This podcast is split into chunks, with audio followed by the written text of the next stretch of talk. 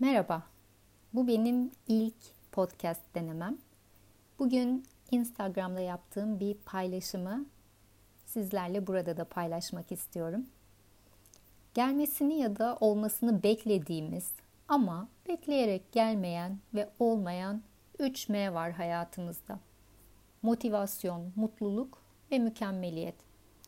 Bence biz bu üç kelimeyi de uydurmuşuz. Şimdi de işin içinden bir türlü çıkamıyoruz.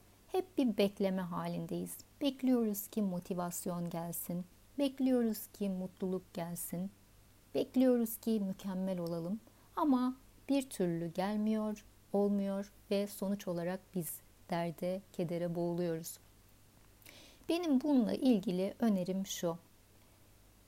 Bence zihinlerimize bir şekilde kazınmış ve ulaşamadığımız için kendimizi berbat hissettiren bu kavramları yenileriyle değiştirmek. Mesela bir türlü gelmeyen motivasyon yerine sorumluluk ya da eyleme geçme kavramlarını zihnimize ekebiliriz. Mutluluk kelimesini halinden memnun olma ile değiştirebiliriz. Öbür türlü sokaktaki dev billboardun her önünden geçişimizde gördüğümüz tatil beldesi reklamındaki dünya güzeli ailenin duvara sabitlenmiş mutluluğu bilmiyorum. Yani bu mutluluğu biz de hayatımızın her anına sabitlemek istiyoruz sanki. O mutlu aile görseli yağmur, çamur, kar, fırtına demeden aynı sabit mutlu ifadeyi koruduğu için mutluluğun da gerçekten yakalanıp sabitlenecek bir şey olduğuna inandırılıyoruz.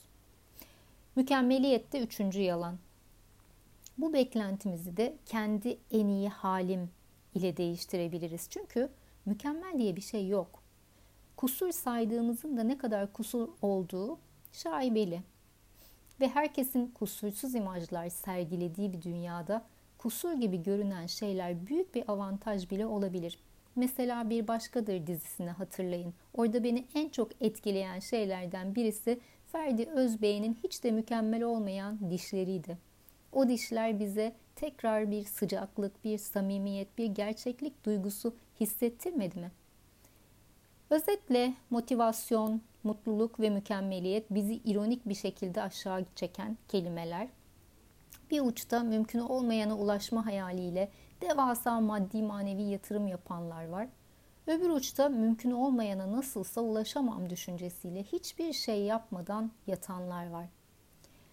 Kendi kap kabiliyetlerimiz ve kapasitemiz çerçevesinde sorumluluk alıp eyleme geçip yapabileceğimizin en iyisini samimiyetle yapmaya çalışmak bence tatmin edici bir yaşam sürmek için daha gerçekçi bir yol.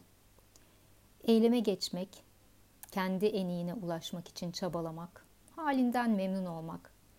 Önerim bu kavramları zihnimize kazımak. Hiç havalı değil biliyorum ama gerçekçi olan genelde havalı olmaz zaten. Teşekkür ederim dinlediğiniz için.